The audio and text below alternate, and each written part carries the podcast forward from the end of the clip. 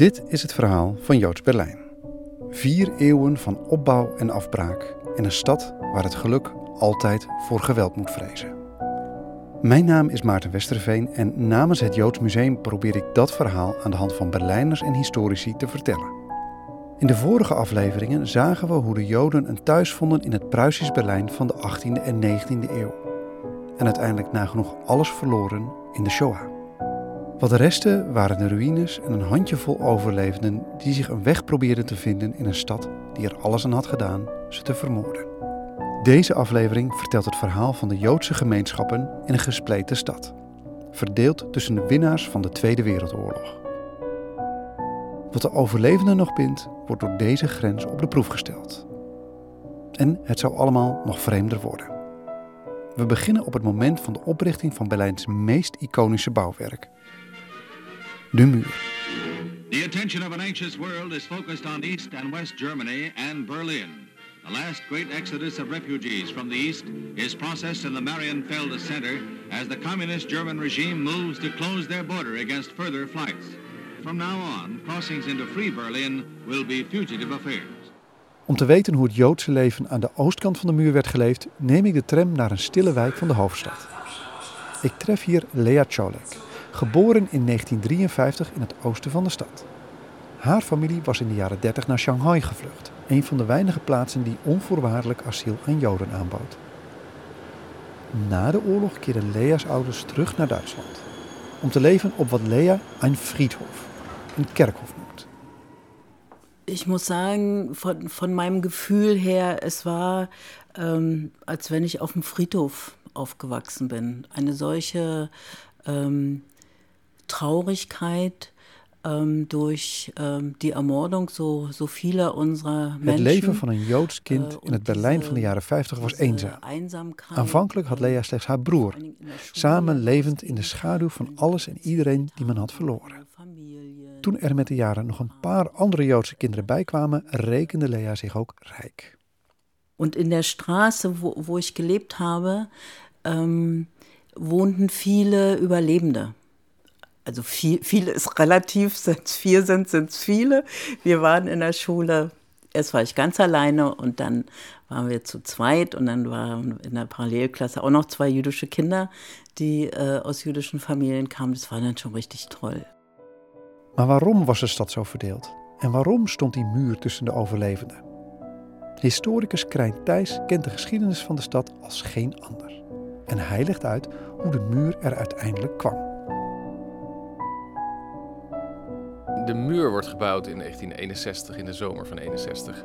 Eigenlijk als een soort noodmaatregel van Oost-Duitsland, uh, de DDR, om de staat overeind te houden. Eigenlijk om het bestaansrecht nog te kunnen verdedigen. En dat moet gebeuren door de bevolking binnenboord te houden. Die, uh, ja, uh, in de, vanaf de late jaren 50 in verschillende golven. maar steeds sterker het land ontvlucht. Gewoon over de open grens naar West-Duitsland. De, de, plek waar dat gebeurt is Berlijn. Uh, dus de staatsgrens, als je zo wil, tussen Oost- en West-Duitsland, uh, die is al een tijdje dicht. met hekken dwars door Duitsland. Maar Berlijn is een gezamenlijk bestuurde stad. de grens tussen Oost en West is niet veel meer dan een witte streep op straat. Kun je gewoon oversteken en dan ben je in het Vrije Westen. En dan pak je daar de trein of het vliegtuig of de bus en dan kan je, kan je daaruit.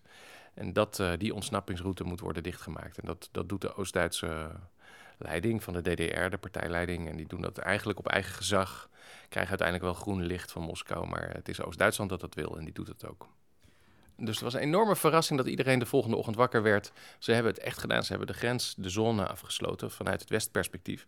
Maar ook in de oostperspectief. Het, is, het gaat echt gebeuren. het land wordt dichtgemaakt. Uh, en, de officiële, en dat zat er in die zin al de hele tijd aan te komen dat duidelijk was dat zoals het ging niet houdbaar was. Dus of de DDR zou instorten of ze zouden een soort noodmaatregel nemen um, die voor iedereen een soort van onuitsprekelijk was, maar wel al weken of maanden zo'n beetje boven de markt hing. Van ja, als ze dat niet willen, dan moeten ze gewoon hekken bouwen of een muur neer gaan zetten in Berlijn. Nou, dat gaan ze natuurlijk niet doen, maar dat is het enige eigenlijk wat kan. En dat gebeurde uiteindelijk toch. En in die zin was het, uh, hing het wel een beetje in de lucht dat er iets die zomer aan zat uh, te komen. Ja, de officiële naam van de muur is de antifascistische Schutzwall, uh, vanuit Oost-Berlijns perspectief. Dus de beschermwal wal, muur, tegen eh, het fascisme of het imperialisme, anti-imperialistische wel ook wel.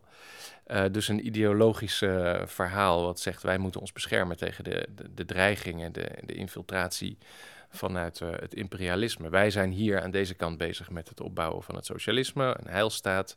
Dat kunnen we niet doen als we de hele tijd worden gesaboteerd.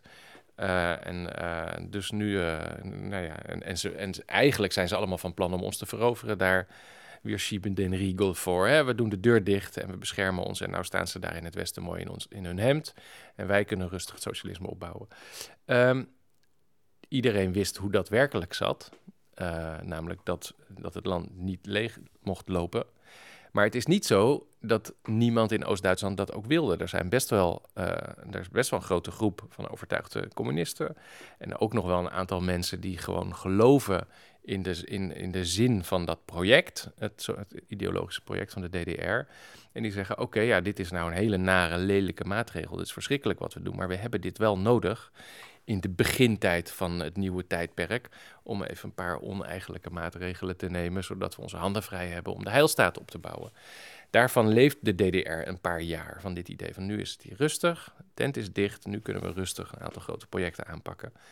Ja, en de, maar na, binnen een paar jaar is dat eigenlijk ook wel over. En in de jaren 70 en 80 is het helemaal voorbij dat dit echt een overtuigende versie is van wat er is gebeurd.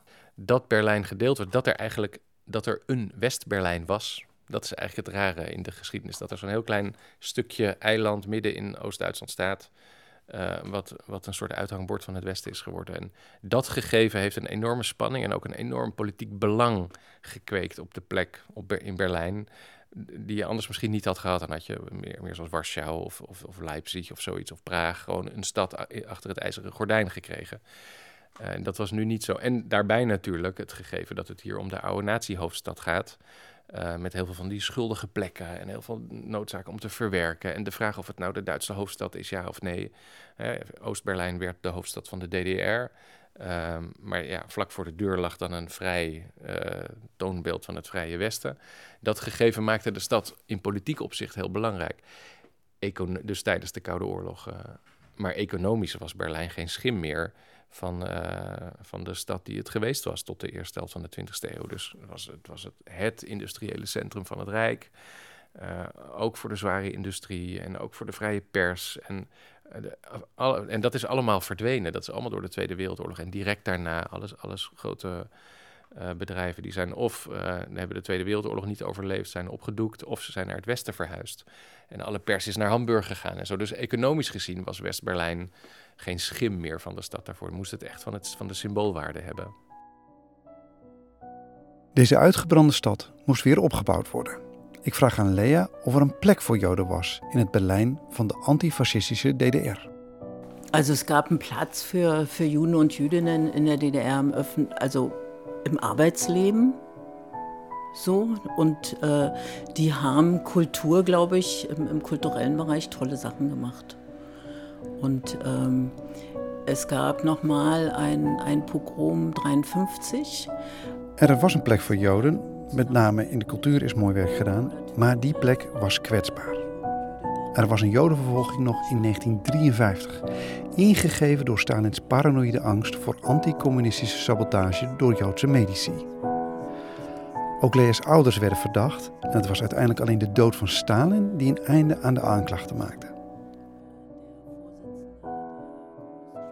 Joodse gemeenschappen, wat voor plek hebben die in nou ja, dit politiek geladen Berlijn? Nou, heel gering in de eerste instantie. Uh, omdat de, ja, de aantallen waren heel klein. En, en, er, en er was uh, in het directe naoorlogse Duitsland ook bepaald nog geen um, uh, ja, soort duidelijkheid of zelfinzicht of eerlijkheid.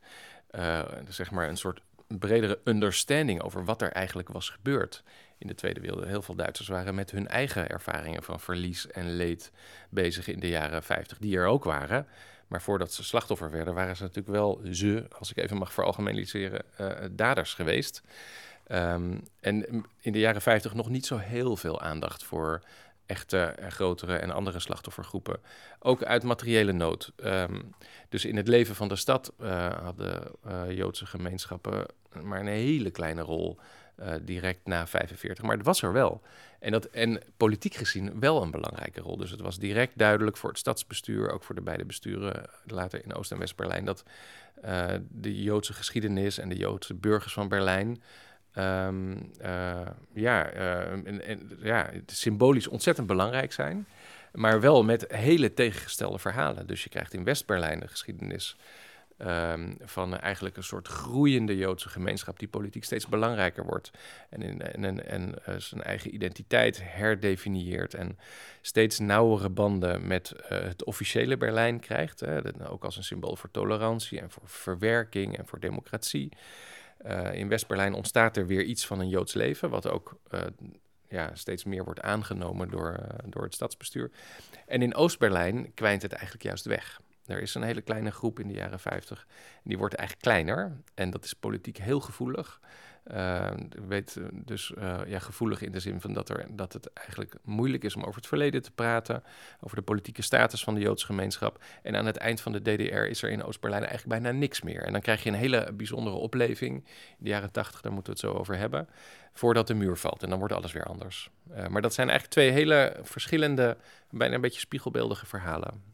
Waarom wordt die West-Berlijnse gemeenschap politiek belangrijk? Want groot kan hij niet zijn. Dus wat, wat maakt dan dat hij toch belangrijk wordt? Ja, de vraag wat groot, eerst even die vraag naar groot. Dat is, dat, dus is hij niet groot, is hij groot of klein? Dat hangt heel erg van allerlei maatstaven af. maar die vergeleken met voor 33. Ja, als je voor, dus Berlijn was de, was een, had een enorme Joodse gemeenschap. Ik heb gelezen de vijfde Joodse gemeenschap uh, ter wereld uh, als stad uh, voor het nationaal socialisme. Uh, en uh, ja, daarna piepklein. Um, maar ver, op, vergeleken naar Duitse maatstaven waren er de meeste Joden die terugkwamen en zich weer vestigden in Berlijn. Uh, vergeleken met Oost-Duitsland was er in, in, in West-Berlijn best een grote gemeenschap, een paar duizend mensen. Het groeit ook weer, mondjesmaat. Um, later in de jaren zeventig ook weer door stevige immigratie vanuit Oost-Europa. Dus daar groeit wel iets wat je ook wel groot zou kunnen noemen, maar natuurlijk niet in vergelijking met het, het enorm bloeiende Joodse leven van de eerste helft van de 20e eeuw of de 19e eeuw. Daar, daarmee vergeleken is het piepklein. Um, maar in West-Berlijn wordt dit belangrijk, dit verhaal van de Joodse gemeenschap en van de terugkeer en de voorzichtige, uh, ja, bijna wederopbouw ook van het Joodse leven in Berlijn.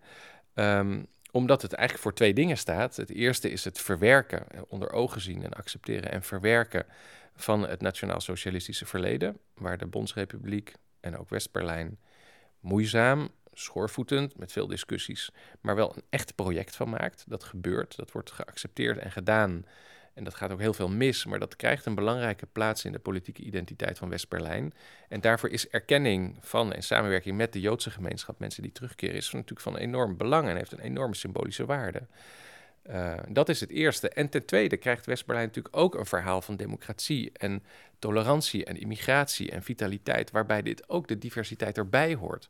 En uh, ook het, het, het grote diplomatieke verhaal van erkennen van Israël en de banden met het Westen. Um, daar hoort dit allemaal bij. Uh, dus dat zijn de redenen waarom dat politiek belangrijk wordt. Een van de bekendste uitspraken die je steeds weer leest als het in, in memoires van Joodse Duitsers, Joodse Berlijners, uh, ook toen al, uh, van, de, dus de vraag van waarom zou je in Duitsland blijven, in het land van de daders. Um, en, en het gegeven dat dat nooit helemaal natuurlijk was en eigenlijk nooit helemaal veilig. Um, dat, dat zie je door al die stukken en, door, en ook in films en literatuur steeds weer terugkomen.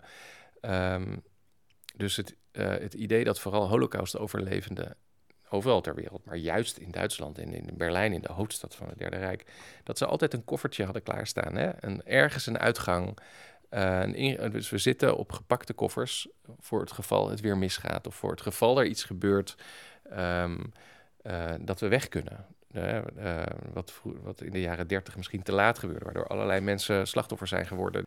Dat zou de generatie die terugkwam, of de mensen die uit de onderduik hebben overleefd, niet gebeuren. Dus de gemeenschap leefde in een, in een soort voortdurende bewustzijn of sluimerende angst van uh, we zitten wel in Duitsland. En hoe goed de bedoelingen ook zijn, hoeveel bevestiging ook krijgen en het onderwijs en de projecten van vergangenheidsbewältigung. Je weet het nooit helemaal zeker, want we zitten in Duitsland. Uh, en dit was een van de belangrijkste uh, thema's in die gemeenschap. Wat natuurlijk ook weer niet wil zeggen dat er verder niks mogelijk was aan alledaags leven of normaliteit. Want dat was de grote missie bijvoorbeeld van Galinsky, die altijd zei: we moeten Joods leven in Duitsland weer normaliseren.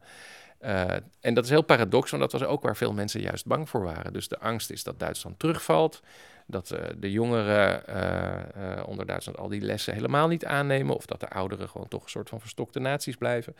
De angst was dus, dus angst voor een soort geweld, hè, maar ook angst voor vergeten en voor te veel normaliteit. Misschien wel angst voor een soort onverschilligheid. Dat de, nieuwe Duitsers het verhaal van de Jodenvervolging en de oorlog en de Holocaust juist niet meer met zich mee gaan dragen.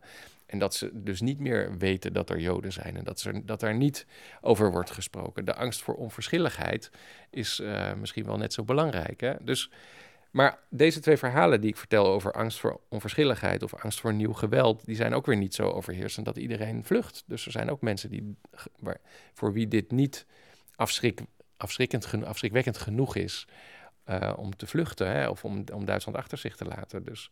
En met de tijd uh, heeft Kalinski uh, zeker gelijk gekregen. En de mensen die, de, die het centrum in de Fassanestrasse bedreven, er is een, een verregaande normalisering opgetreden. Uh, naar de jaren tachtig en later zeker ook nog. Uh, dus dat is wel, dat, het verhaal gaat die kant op. Alleen dat kon je de jaren 50 misschien niet zo goed weten. En dan is er nog uh, echt als aparte gebeurtenis um, eigenlijk iets bizars. er is een bomaanslag gepleegd um, in 1969 op het Joodse centrum in de Fassanestrasse. met een bom die niet is afgegaan. En dat is zo'n bizar verhaal als je sowieso dat dit gebeurd is. Maar ook als je bedenkt wat er was gebeurd, die wel was afgegaan. Um, dat, het, dat, dit, dat deze hele story er anders had uitgezien uh, als, uh, ja, als die aanslag was gelukt. En uh, dat bevestigde natuurlijk de angsten, de bewuste, onbewuste angsten van de, nou ja, de kleine, kwetsbare Joodse groep die in Duitsland blijft. En weet ze wie hem gepland heeft? Ja, die is voorbereid door uh, de oorspronkelijk linkse terroristen uit het vaarwater van de RAF en de groepen 17 juni. Dus in de, in, eigenlijk op de golven van het West-Duitse terrorisme is er een klein groepje geweest die, bij, die uh, met de PLO samenwerkte, dus de Palestijnse beweging, die is anti-Sionistisch tegen Israël, die ook in Palestina zijn geweest voor trainingen. En die hebben bedacht dat wij uh, tien jaar na de oprichting van dit centrum en 30 jaar na de Rijkspogromnacht, er zou daar een grote bijeenkomst zijn, prominente bijeenkomst om uh, ja, een herdenking uh, te laten plaatsvinden in het centrum in de Fassanestrasse, waarbij allerlei politieke prominentie aanwezig was, de burgemeester en mensen uit Bonn, uh, vertegenwoordigers van de Joodse gemeenschap. Um, heel goed bewaakt enzovoort. Maar ergens daaronder lag een tikkende zelfgemaakte bom van 2 kilo. Uh, die door uh, uh, ja, de militante vleugel van de studentenbeweging daar was neerge neergelegd. Mensen uit de kringen van de Commune 1, Reiner Kunzelman. dus eigenlijk een, een, een, soort lichte voorloper van de Bader-Enslin groepen, de, de RAF. Um, en die bom is niet afgegaan. Als die was afgegaan, dan waren er in West-Berlijn in november 69 200, 300 uh, zeer belangrijke mensen uit politiek en joods cultureel leven bij een terroristische aanslag om het leven gekomen. Dat die, dus die hebben dat laten. De, bom is de volgende dag gevonden, uh, onschadelijk gemaakt. Het mechanisme werkte niet. Uh, en direct gezien van deze was zo zwaar dat de drie huizen in de omgeving weg waren geweest. En hoe had de geschiedenis van West-Berlijn, sowieso van Joods leven in Duitsland, er dan uitgezien? Hè? Um, en uh, dus dit was, dit was een enorme, dit heeft een enorme ophef uh, natuurlijk op dat moment veroorzaakt. Uh, de veiligheidsmaatregelen zijn sindsdien echt enorm in de Versanestrasse, tot op de dag van vandaag. Er zijn altijd dreigingen, er zijn altijd dreigementen. Maar er is één keer iets verschrikkelijk misgegaan, redelijk vroeg. En voor ons is het bijna niet te begrijpen dat zo'n linkse radicale beweging uitgerekend die plek en deze aanleiding kiest om uh, ja, tegen de in hun ogen imperialistische en kapitalistische wereldorde te protesteren. Hè? Ondanks de maar net vermeden horror van die mislukte aanslag is er over het algeheel een groeiende plek voor Joden in West-Berlijn. Niet alleen is er ruimte om zich cultureel maatschappelijk te ontwikkelen, er is uiteindelijk ook erkenning voor het geleden leed. Krijn legt uit hoe het Joodse Berlijnse leven door de postcode bepaald werd. Direct in 1945 is de situatie heel vergelijkbaar. Direct na de oorlog en de, de ruïnes en de puinhopen. En liggen eigenlijk de oude centra van het Joodse leven in Oost-Berlijn. Dus de, de nieuwe synagoge in de Oranjeburgerstrasse, waar bijna niks meer van overeind staat. Uh, het grootste de grootste Joodse begraafplaats in Weizenzee, uh, die qua oppervlakte de grootste van Europa is, uh, die ligt in Oost-Berlijn. En andere structuren ook. dus eigenlijk Mitte en het Scheunenviertel. Hè? Dat, dat is, als, er ergens een Joods Berlijn was, dan was het daar. en er zijn ook in de eerste rijen van de socialistische partijen heel veel Joodse Duitsers. Die, en veel daarvan, als ze terugkeren naar, naar naar Duitsland en Berlijn, dan, dan vestigen ze zich ook in Oost-Berlijn. Om de reden die ik net noemde. Dat dat. En er zijn veel communisten um, onder de, de Berlijnse Joden. Dus, um, en ook prominente namen. Dus het ziet er zo uit alsof de, de, de, de lijn van traditie misschien wel naar Oost-Berlijn uh, voert uh, na de Tweede Wereldoorlog. En dat gebeurt niet omdat de officiële doctrine, ook vanuit Moskou, maar ook van de communisten, een eigenlijk anti-Zionistische doctrine wordt in de late jaren 40, vroege jaren 50. Namelijk afstand van de staat Israël en steun voor de anti-koloniale, anti-imperiale strijd van de Arabieren. Um, en dat heeft in de DDR tot gevolg vanaf de begin jaren 50 dat, uh, dat er eigenlijk ook oude antisemitische campagnes in de eigen partijen en in de publiciteit worden gevoerd waarbij allerlei prominente Joden het ontzettend moeilijk krijgen en soms van hun post worden verdreven en uh, minder, minder invloed in de partij krijgen. En, en eigenlijk het verhaal van het Jodendom helemaal niet in Oost-Duitsland verder wordt gevoerd. En daar, dus dat is één, uh, uh, anti-Israël beleid uh, en, en ook later juist banden met Arafat en de PLO. Dat is allemaal één. En twee is in het specifieke geval van de DDR, de Duitse staat in het, in het Oostblok, is dat Oost-Duitsland geen verantwoordelijkheid neemt voor de geschiedenis van het Derde Rijk. Oost-Duitsland zegt wij komen voort uit de verzetsbeweging, uit de antifascistische beweging. Onze traditie is die van de Hitler-tegenstanders, de arbeiderbeweging. Um, daar identificeren, ons bij, identificeren wij ons mee. En uh, de, uh, wat er in het Derde Rijk gebeurd is, was een klassenstrijd. Uh, en de bezittende klasse, de imperialisten, dat zijn de mensen die nu in West-Duitsland zitten. Wij staan in de traditie van de arbeiderbeweging. Um, dus wij hoeven geen bijzondere verantwoordelijkheid te nemen voor de slachtoffers die daarbij zijn gevallen. Waardoor ze nooit op Israël of de eigen Joodse gemeenschap zijn afgestapt om een soort van wiedergoedmachung of concessies of reparatiebetalingen, whatever, uit te voeren. Tot aan het eind niet van de DDR. Dat was gewoon een ideologische blokkade. Um, eigenlijk om in te zien, hè, wat in het Westen vrij snel, niet meteen, maar wel toch na enige decennia, gemeen, een algemeen gedeeld verhaal werd. En dit was een, een rassenoorlog de Joden, 6 miljoen Joden, zijn het, het slachtoffer geworden van racistische waan, van genocide.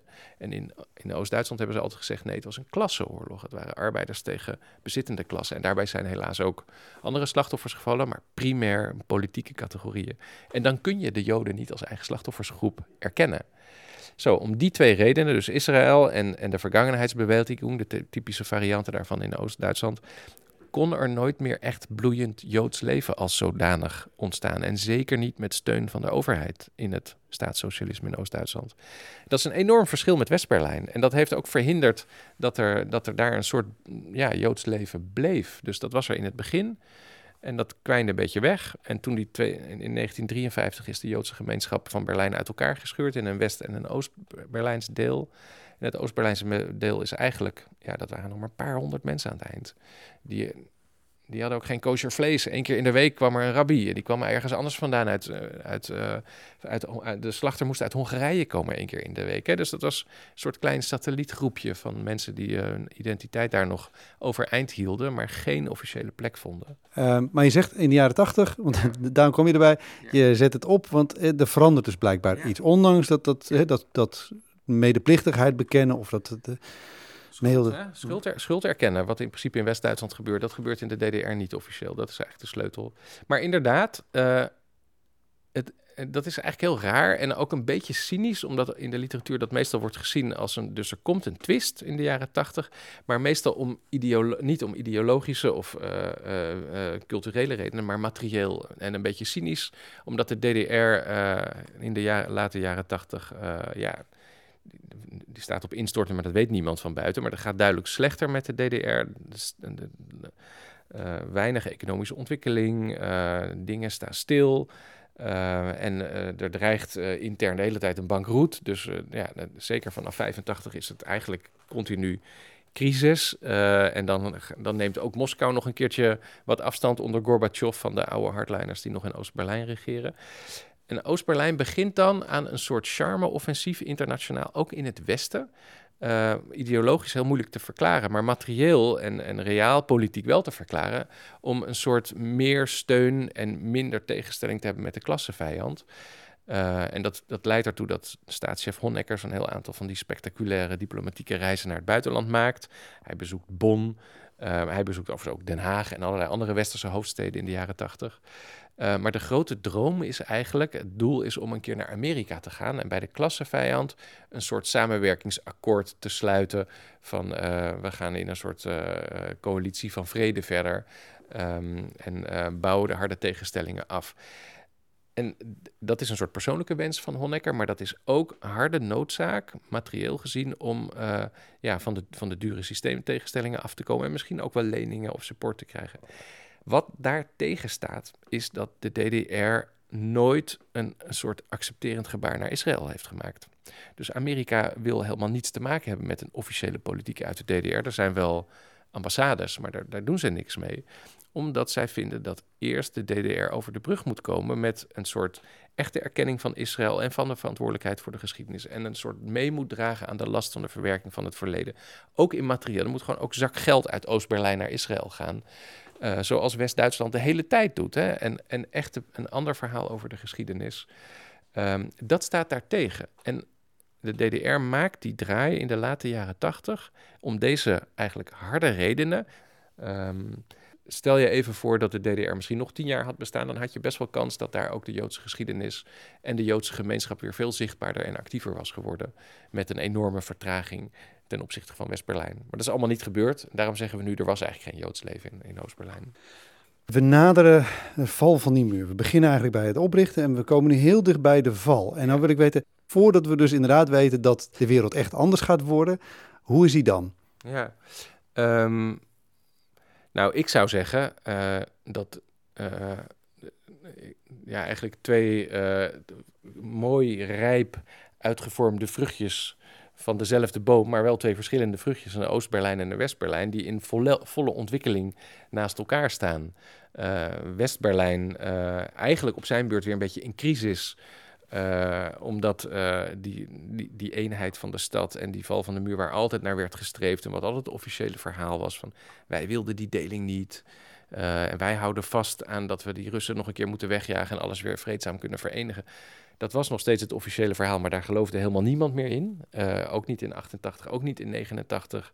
Ze zagen wel dat het rommelt in Oost-Duitsland, maar dat, er, dat, dat, dat op een gegeven moment een muur kan vallen, was volstrekt ondenkbaar.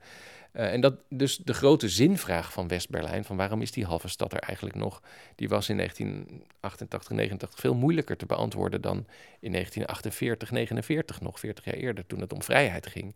Die was gewoon, dat was allemaal established, maar West-Berlijn was verder heel raar, half eilandje in de DDR, hartstikke duur om te onderhouden. Dat, de bevolking kromp een beetje en uh, economisch helemaal niet levensvatbaar. Dus er moest heel veel geld heen gepompt worden steeds uit. Waarom is dat er nog? Is dat niet een relict van vroeger? Maar wel uh, verder bloeiend kunstenaarsleven natuurlijk en uh, internationaal belangrijk. En Oost-Berlijn, ja, weten we nu, was in een diepe crisis, maar stond eigenlijk verder niet meer ter discussie als hoofdstad van de DDR. Uh, met een mooi volkspaleis en uh, ja, het, het, grijze leven van de trabantjes en de bruinkolen, waar, de tijd stil leek staan. Daar had men zich ook wel zo'n beetje mee verzoend, want dat was gewoon een gegeven. Uh, en dus niemand verwachtte dat er in die situatie plotseling verandering zou komen. En dat is het verhaal van de val van de muur. Dat zelfs in de, in de maanden daarvoor en zelfs nog in de weken daarvoor, dat eigenlijk niemand dat zou kunnen zich kon voorstellen. Het is passend dat de muur even onverwacht zou vallen als hij was verschenen. De werkelijke val bewaren we voor de laatste aflevering. Lea Cholek was op dat moment al lang naar het westen gevlucht. Berlijn is altijd haar basis gebleven, maar het is nooit haar heimat geweest. Dat moeilijk te vertalen woord dat Duitsers voor hun thuisgrond gebruiken. Die ene plek waar je ten diepste emotioneel mee verbonden bent. Voor haar is Berlijn simpelweg een ideaal venster op de wereld. Berlin hat mir einfach alle Möglichkeiten eröffnet, äh, die ich brauchte, um mich intellektuell äußern zu können, mich ausprobieren zu können. Ich kann mir schon vorstellen, dass das so, so eine Stadt, wo, wo so viele Menschen aus der ganzen Welt zusammenkommen, es einfach toll ist. Man muss nicht in so einer eigenen Lea ziet met instemming toe hoe nieuwe generaties Joodse Berlijners met oude structuren breken en nieuwe levensvormen ontdekken. Weg met de nationale identiteiten. In al dat gevoel is Berlijn, in al haar chaos, een vrijplaats. En für dich macht das Sinn? Für mich macht das absoluten Sinn. Weg, wirklich weg von, von diesen Ideen von, von nationalen Gruppen oder Identitätsgruppen. Die, die sprengen ja alles auf. Ja, ja, es ist für, für mich ein, ein freier Platz. In onze laatste aflevering kijken we wat de val van de muur teweeg brengt. En wat die beloftes van vrijheid en vernieuwing brengen in een herenigde stad.